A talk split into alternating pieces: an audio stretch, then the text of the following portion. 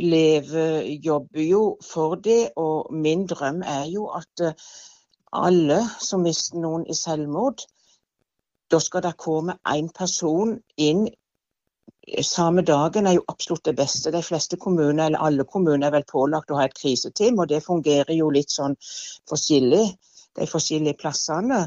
Men at det skal komme én person inn helst samme dagen, og så fyrer de opp eh, som familie. Ja, gjennom, eh, gjennom, flere år egentlig, om ikke like tett. men og det, jeg vet jo personer som har sittet Det blir sagt at eh, ring hvis det er noe. og Så har de sittet med telefonen i årevis, rett og slett. Og så ikke eh, orka å ta den telefonen.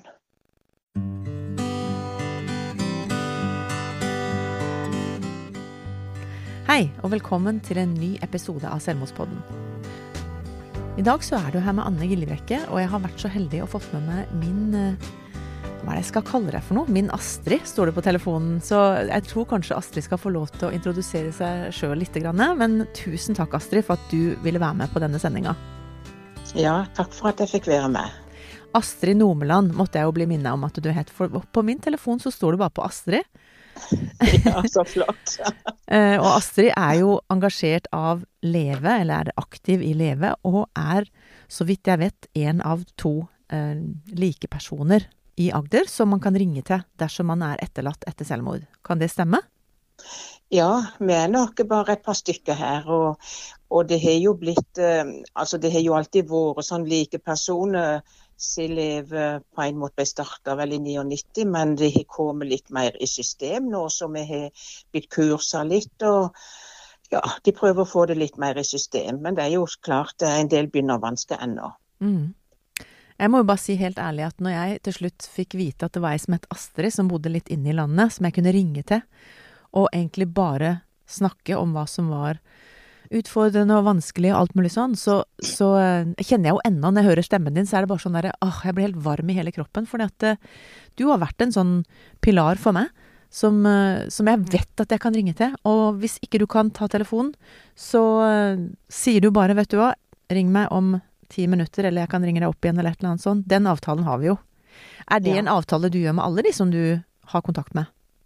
Det er en avtale jeg gjør med alle jeg har kontakt med. Og så, tar jeg det sånn litt på gefühlen, for det at noen stoler på at uh, orker og våger å ringe til meg når, uh, når jeg sier det sånn. Og noen uh, må jeg kanskje heller prøve å ta kontakt med. Og jeg prøver jo å melde til med ulike mellomrom. Det har kanskje du har opplevd, at jeg melder av og til og mm. spør hvordan det er, men eh, det er ikke noe sånn fast rutine. Jeg, jeg tar det litt på gefühlen og ja, i det hele tatt. Så det, det Jeg syns det virker altså, som at det virker altså for, for, min del personlig så virka det veldig godt. Bare det at du var der og sa hei, åssen går det med deg, du må bare ringe hvis det er noe. Ja. For det er jo det jeg har kanskje etterlyst mest, sånn i den etterkant, og som jeg har snakka med mange pårørende, det at det er så vanskelig å ta mm. initiativ sjøl. Jeg har jo gjort det noen ganger når jeg kjenner at ah, jeg er nødt til å snakke med noen. Å, kan jeg ringe mm. bare til Astrid? Ja. Og så er det andre ganger som vi bare har snakka litt om løst og fast, og Det trenger liksom ikke å være en krise for å ringe til deg. Nei, det behøver det slett ikke. Det behøver ikke være krise. Og så må alle være trygge på at uh, når jeg er i den posisjonen, kan du si, som like person, så har jeg fullstendig taushetsplikt. Mm. Det er veldig, veldig godt å vite. Og det, det uh, håper jeg at jeg formidler til alle som jeg taler med, men iallfall så, så er det sånn. Men Astrid, kan ikke du fortelle litt om veien din inn i dette arbeidet? Ja, da må jeg vel begynne med at jeg er jo etterlatt. Og i januar 96 så tok sønnen min på 15 år livet sitt. Og det er klart at eh, det er jo Ja, alle som har opplevd det, vet jo at det er ja, hva skal jeg kalle det? altså, Verden stopper jo opp. altså, Du, mm. du er jo helt hjelpeløs. Hadde du andre uh, barn når dette skjedde, eller var han eneste? Nei, jeg hadde, jeg hadde to små. De minste var jo ett og fem-seks fem, år. Så, og så hadde jeg tre som var eldre, da. Som var ja, Vi kaller de jo voksne, men når blir de voksne i foreldrene sine øyne? Ikke sant? ja. Så, så følte jo jeg at uh, jeg gikk i sorggruppe i Kristiansand hos han Per Emanuelsen, da, som hadde starta opp. Mm. Og det var utrolig godt for meg. Men jeg følte meg jo veldig hjelpeløs i forhold til voksne unge, små unge mann. Mm. For du sto liksom som mamma midt oppi et kaos, og så hadde du Nå teller jeg. Er, det, er det seks barn du har født? Seks, ja. Ja. ja. Så det var ikke Så- masse sånn hjelpeapparat på den tida, i tillegg til det som Per Emanuelsen hadde? Nei, altså det første her eh, Klart at familie, venner Altså, jeg følte at jeg ble til en godt var, eller vi ble til en godt vare på det første. Mm. Men uh, etter hvert som tida gikk, nei, så var det, kom jeg i sorggruppe der. Uh, så var det ikke noen som på en måte jeg følte ifra, i forhold til kommunen fydde dere opp. For eh, som tida gjeng, så trenger du kanskje andre ting enn det du gjør eh, rett etterpå, når alt er kaos og sjokk og hele pakka. Mm. Så jeg savna jo noen som fydde oss opp som familie. Det er jo en Og, gjenganger, Astrid, hvis vi skal ta bitte grann om det. Ikke for Ja. at disse kommunene, for de har masse flotte tilbud, men det er litt at de må høre på hva som egentlig er behovet. For at eh, hvis de har krisehjelp og litt sånn sånn med en gang, så er det jo faktisk mm. dette med altså den jobben som du litt har nå, da. Som er Mhm. på frivillig basis, hvor du ringer opp for du vet at det, verden ser annerledes ut nå. Når det har gått fire uker, når det har gått åtte uker, når det har gått tre måneder, når det har gått to år. Mm. Og er litt på tilbudssida. Hva er det du trenger å snakke om akkurat nå, eller hva, hva trenger du praktisk hjelp til? Så kanskje det vi savner i kommunen, at det er én person som følger oss opp, som ikke vi må på en måte mase på. Det, det er sant, og det er jo det på en måte Leve jobber jo for det, og min drøm er jo at eh, alle som mister noen i selvmord, da skal det komme én person inn samme dagen er jo absolutt det beste. De fleste kommuner, eller alle kommuner, er vel pålagt å ha et kriseteam, og det Mm. fungerer jo litt sånn forskjellig, de forskjellige plassene.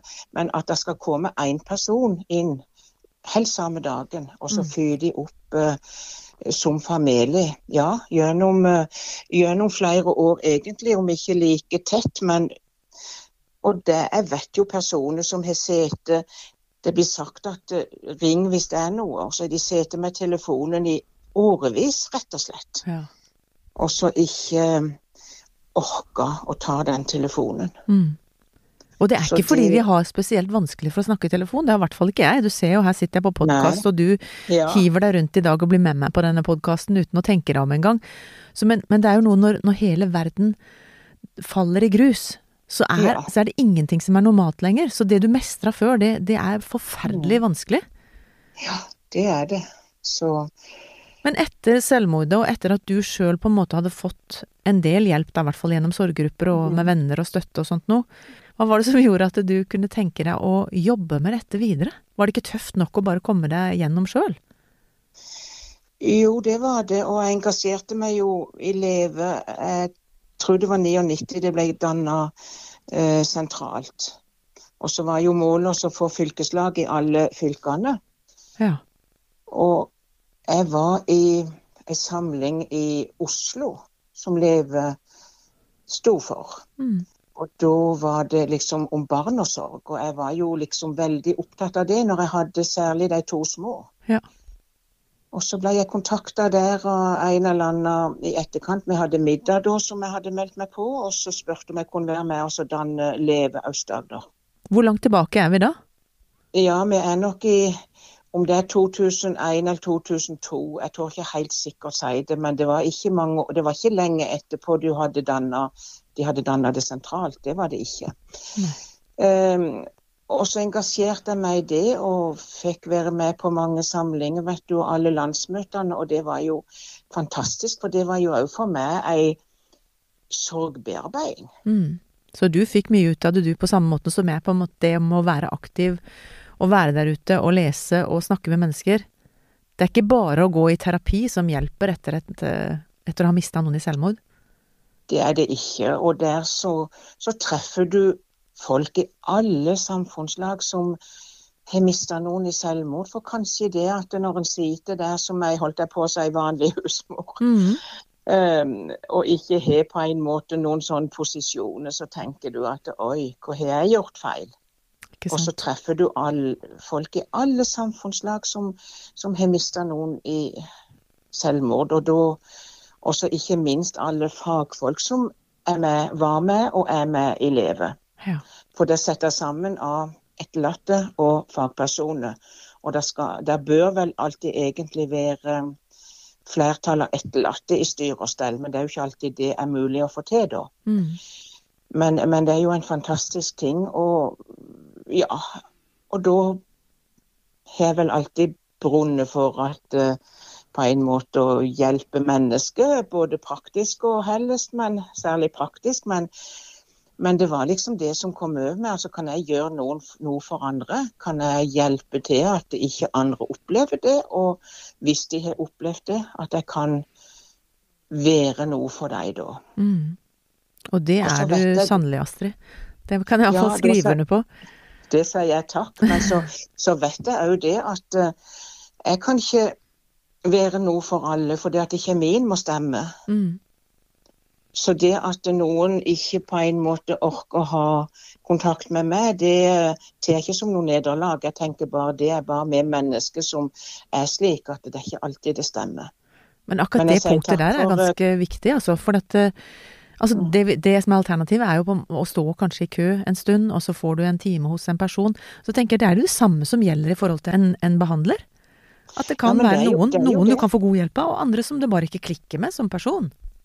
Ja, det er jeg helt enig i, og derfor så er jeg òg av og til veldig klar på det. Altså hvis ikke du eh, det stemmer med den ene behandleren, så, så prøv en annen, altså. For det at Mm.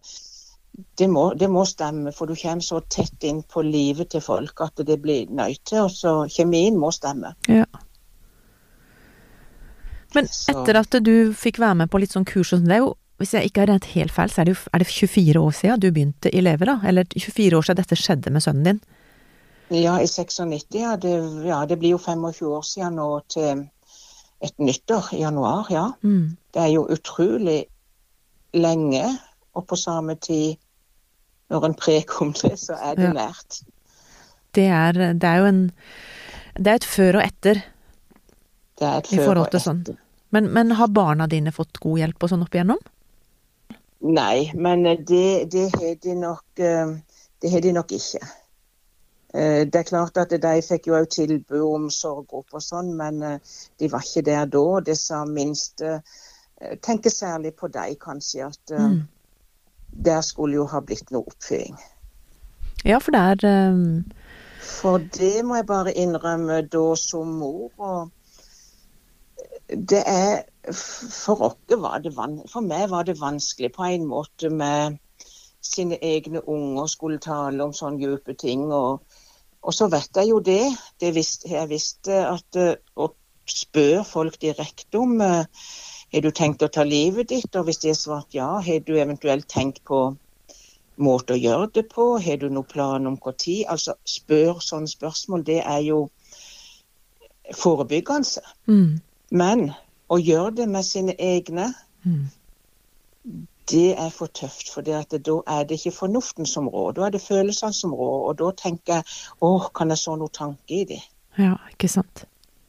Så, så det at det for, fornuften rår ikke alltid når det er de sine aller næreste. Det har iallfall jeg erfart. Jeg blir helt, jeg mister helt pusten. Jeg skulle tenke at du skal ta deg av fem barn etterpå.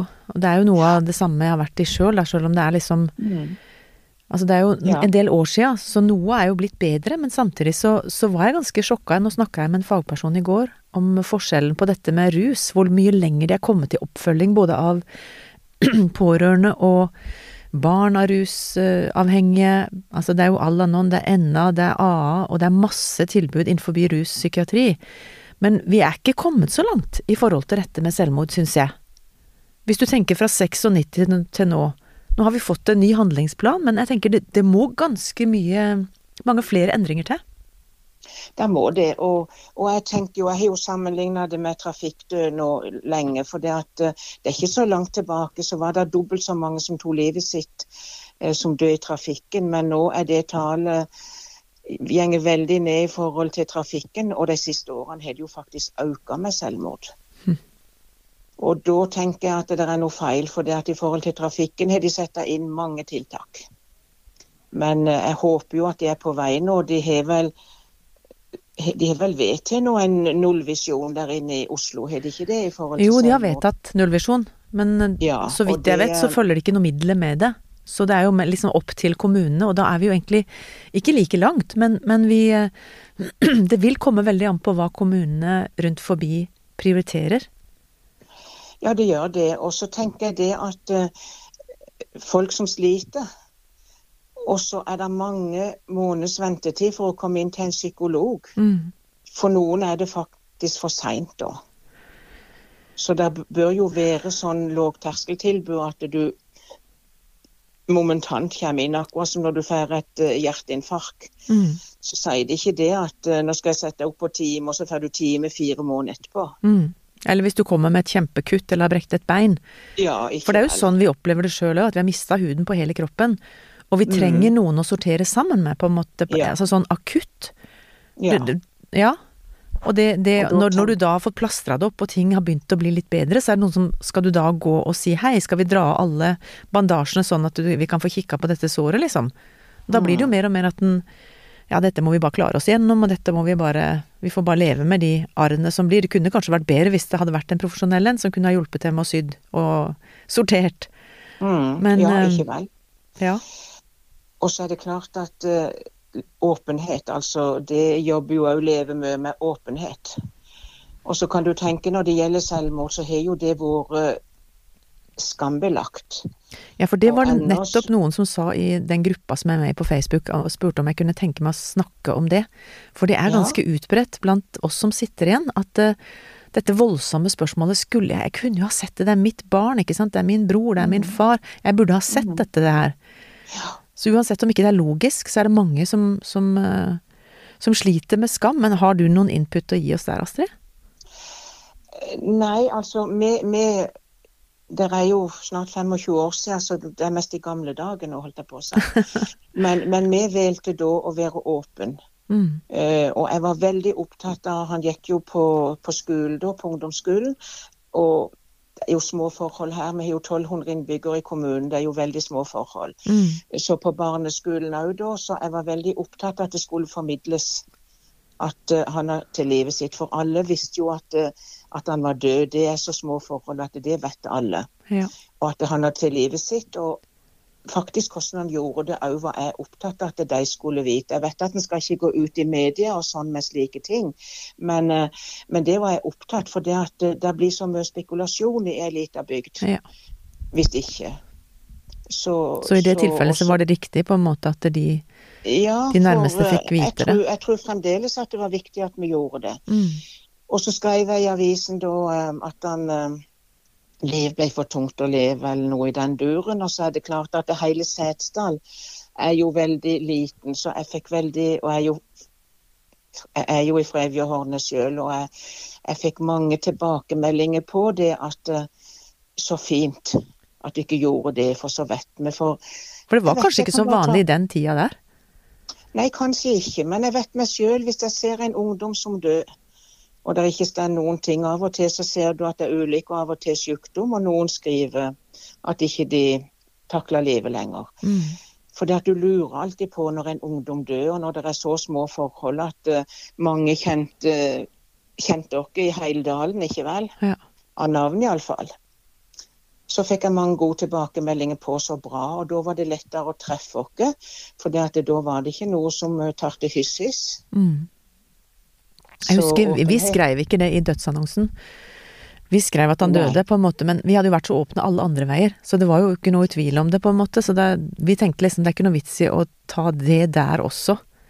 Det var liksom vårt valg, da. Men da, da var det jo under en forutsetning at, uh, at alle som, som, telte, i hvert fall som kjente han, de visste jo hva som hadde skjedd. Og så mener jeg ikke det at alle skal gjøre det, for det at uh, der må hver kjenne det sjøl. Mm. Det var jo ikke så mye sosiale medier i, i 96, det er ganske, ganske forandra nå. Det er ganske forandra, altså. Da var det egentlig avisene. Ja. ja.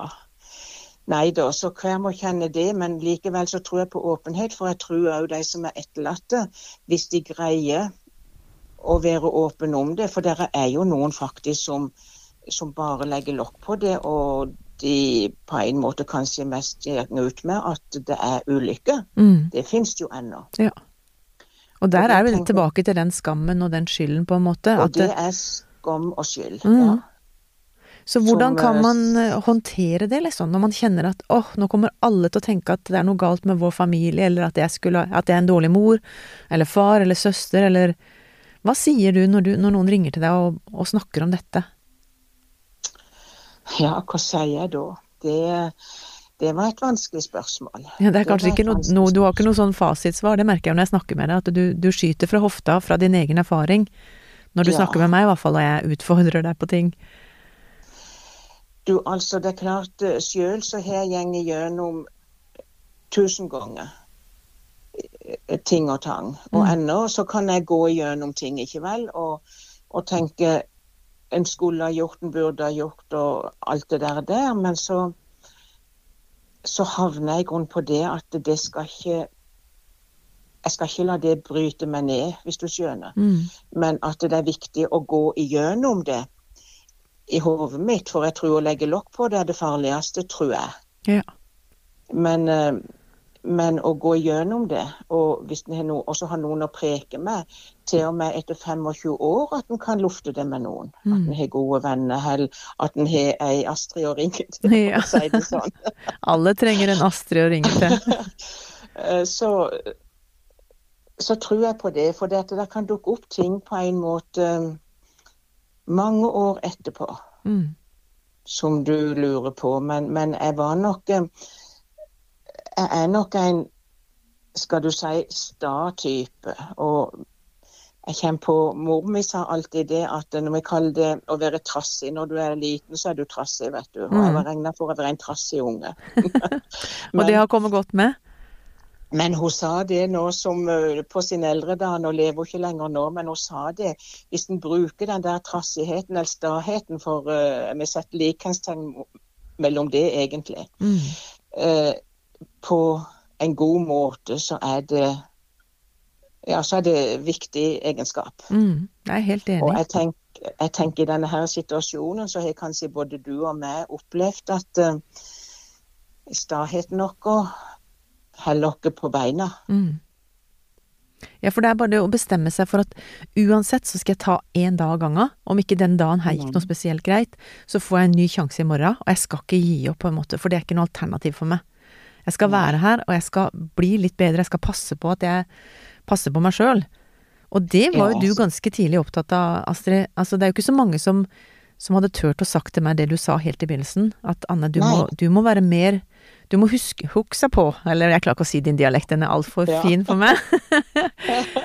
Oi, men du sa et eller annet om at eh, du kan ikke være mer opptatt av han som er død, enn de tre som du har igjen. Eller de andre Nei. som lever. Og det, det er jo på en måte Det er ikke hvem som helst som kan si til deg, men du hadde på en måte både troverdigheten og kjærligheten Ja. bak de orda. Ja, for jeg håper ikke at jeg sa det på den måten at jeg påla deg det, for det håper jeg ikke. For, men jeg fortalte noe om meg sjøl. Jeg tror du gjorde Og- refererte til det, og så tok jeg det til meg. Ja, Jeg så var det den ganske tidlig. Og hvor jeg fikk eh, det ifra så tidlig, det vet ikke jeg. Men eh, ganske tidlig så tenkte jeg det at den som er død, skal ikke bli viktigere Mm. enn de som lever. Og det eh, Så det var kanskje det jeg sa også, for jeg håper, jeg håper ikke at jeg på en måte påla deg det. For jeg, Ikke det, det var veldig sånn som du sa, du snakka om din egen situasjon. Og så har jeg egentlig bare tatt det til meg at tatt det til Anne, deg at du jeg må sa ikke være det, at du, du må det. Nei, men jeg har tatt det til meg at dette var noe som virka for deg, og det er jo litt sånn Ja. Det er jo det som er hele konseptet med likepersoner. Det er jo at eh, du har gått nå i 24 år Mm. etter at du mista sønnen din, og jeg har gått i ett år og tre måneder, ikke sant. Så jeg er jo en sånn Det er kort tid.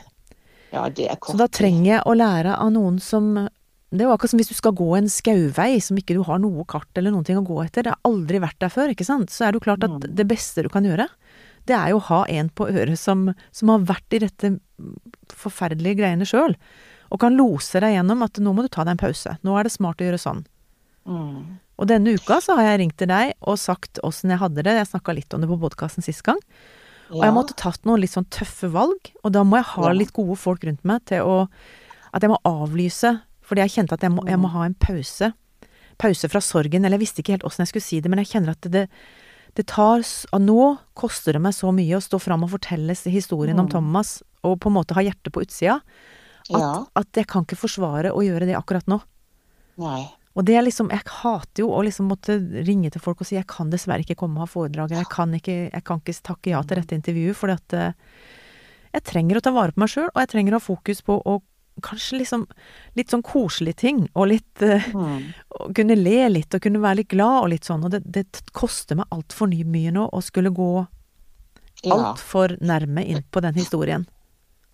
Og da kan det være godt å ha noen å tale med. Og så tenker jeg, eh, vi prekte jo mye omkring det. Mm. Og så tror jeg min konklusjon var før vi la på, at eh, nå er det du som må kjenne på det. Det er egentlig alltid Ja, Eh, Det er alltid det at, du sier. For det, det er ikke noe sånn at nå, 'Anne, nå skal du gjøre Her har du fire punkter, disse må du gjøre.' Det er mer sånn Nei. du hører hva jeg sier, og så kan du komme med 'jeg hadde kanskje tenkt sånn og sånn', og så er det alltid en avslutning med at det, at det er mitt valg. Så Og når jeg, forteller, når jeg forteller om mitt og hvordan jeg kommer gjennom det, så kan ja, du plukke opp noe av det som er godt for deg, og en annen plukker kanskje opp noe annet som er godt for deg. For Mm. eh, vi er ulike alle sammen. Vi må finne vår egen vei, men vi kan få noen tips.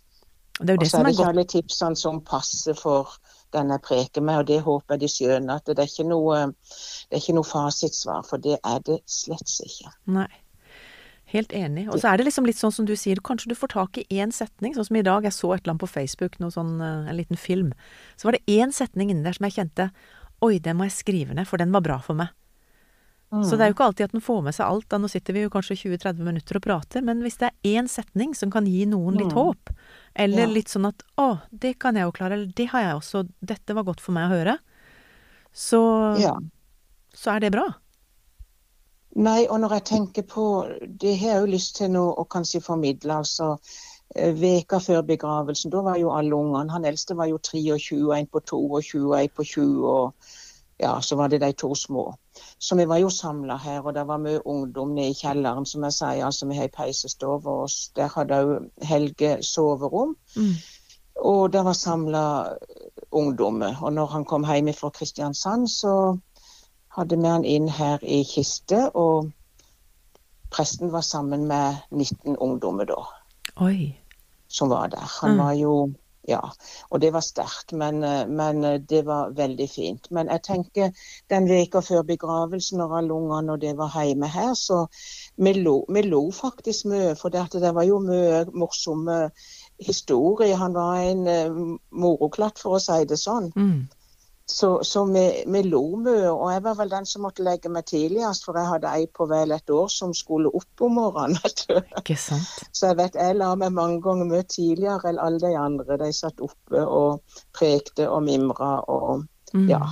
Og vi lo mye, og det vet jeg at eh, noen eh, Altså å være glad, de får vond samvittighet når de er glade, Ja, den har jeg jo vært innom. eller når de ler. Mm.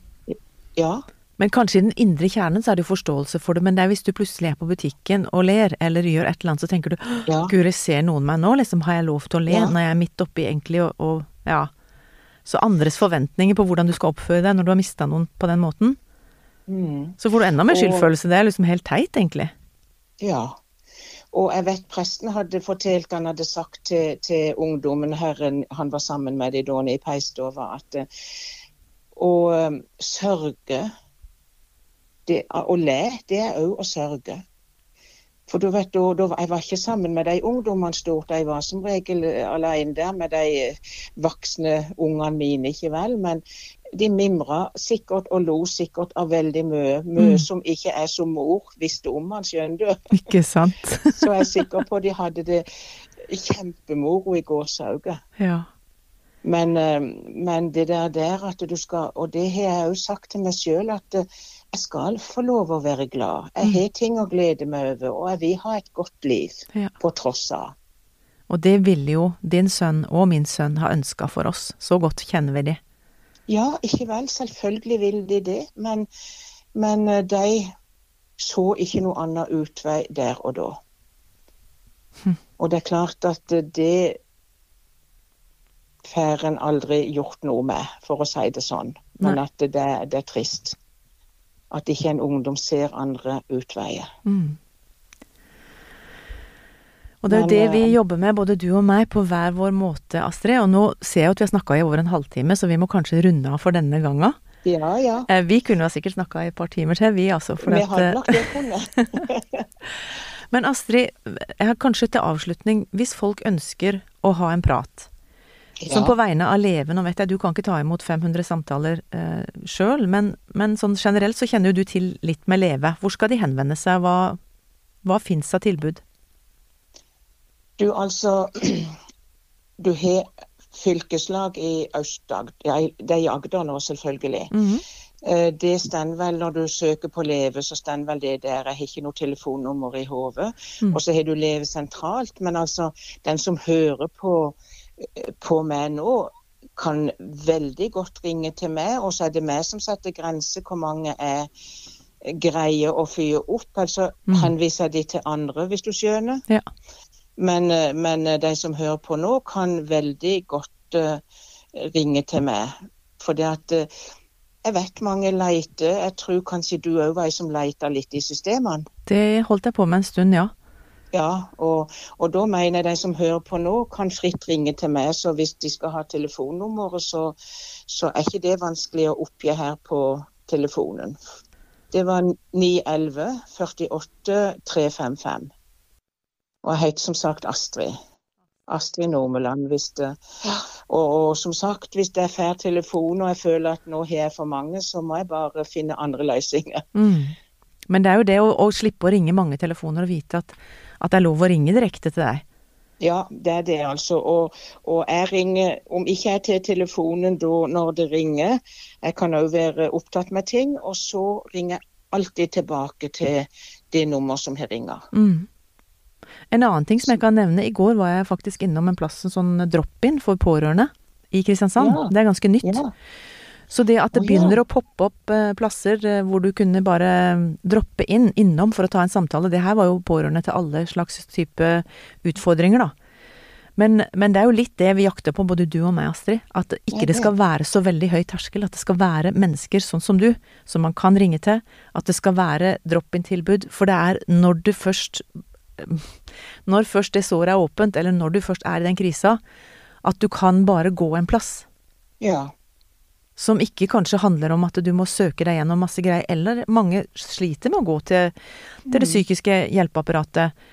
Psykisk helsevern. Altså fordi de kjenner Ja. at ja, men jeg er jo ikke sjuk, jeg er jo bare midt oppi en krise, ikke sant. Så Mhm. ja, mer av det. Så flott med, så flott med det drop-in. Hvor, hvor fant du det hen, holdt jeg på å si?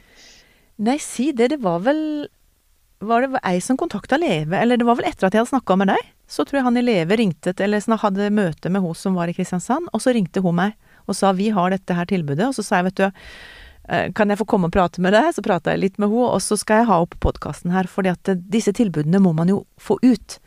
Når ikke jeg vet om det, og du vet om det, som jobber så tett på det, så må vi få det mer bra. synlig. Ja, kjempebra. Mm. Ja, men uh, verden går framover på det området òg, og det kanskje litt for seint. vi tykker det er litt for seint, men, eh, men det er framgang. Ja. Astrid, tusen hjertelig takk for at du ble med i Selvmordspodden denne gangen. Og Ja. takk for din varme, og takk for alt du har betydd for meg, og på vegne av alle disse andre som du har snakka med. Så tusen takk for at du setter av tida di til å, å være en person som er en likeperson med erfaring, som gir av din varme og kjærlighet til andre. Takk skal du ha. Helt til slutt har jeg lyst til å fortelle hvor du kan få hjelp. Kirkens SOS er en døgnåpen krisetelefon. Det samme er Mental Helse. Leve, Landsforeningen for etterlatte ved selvmord. Legevakten 116 117. Kors på halsen, Røde Kors sitt tilbud. Det er en samtaletelefon for barn og unge under 18 år. Og så er det tilbudet som heter Snakk litt, mellom Helsesista, Kirkens SOS og Nyby. Helt til slutt har jeg bare lyst til å takke deg for at du har vært med på denne episoden. og ønsker deg alt godt videre.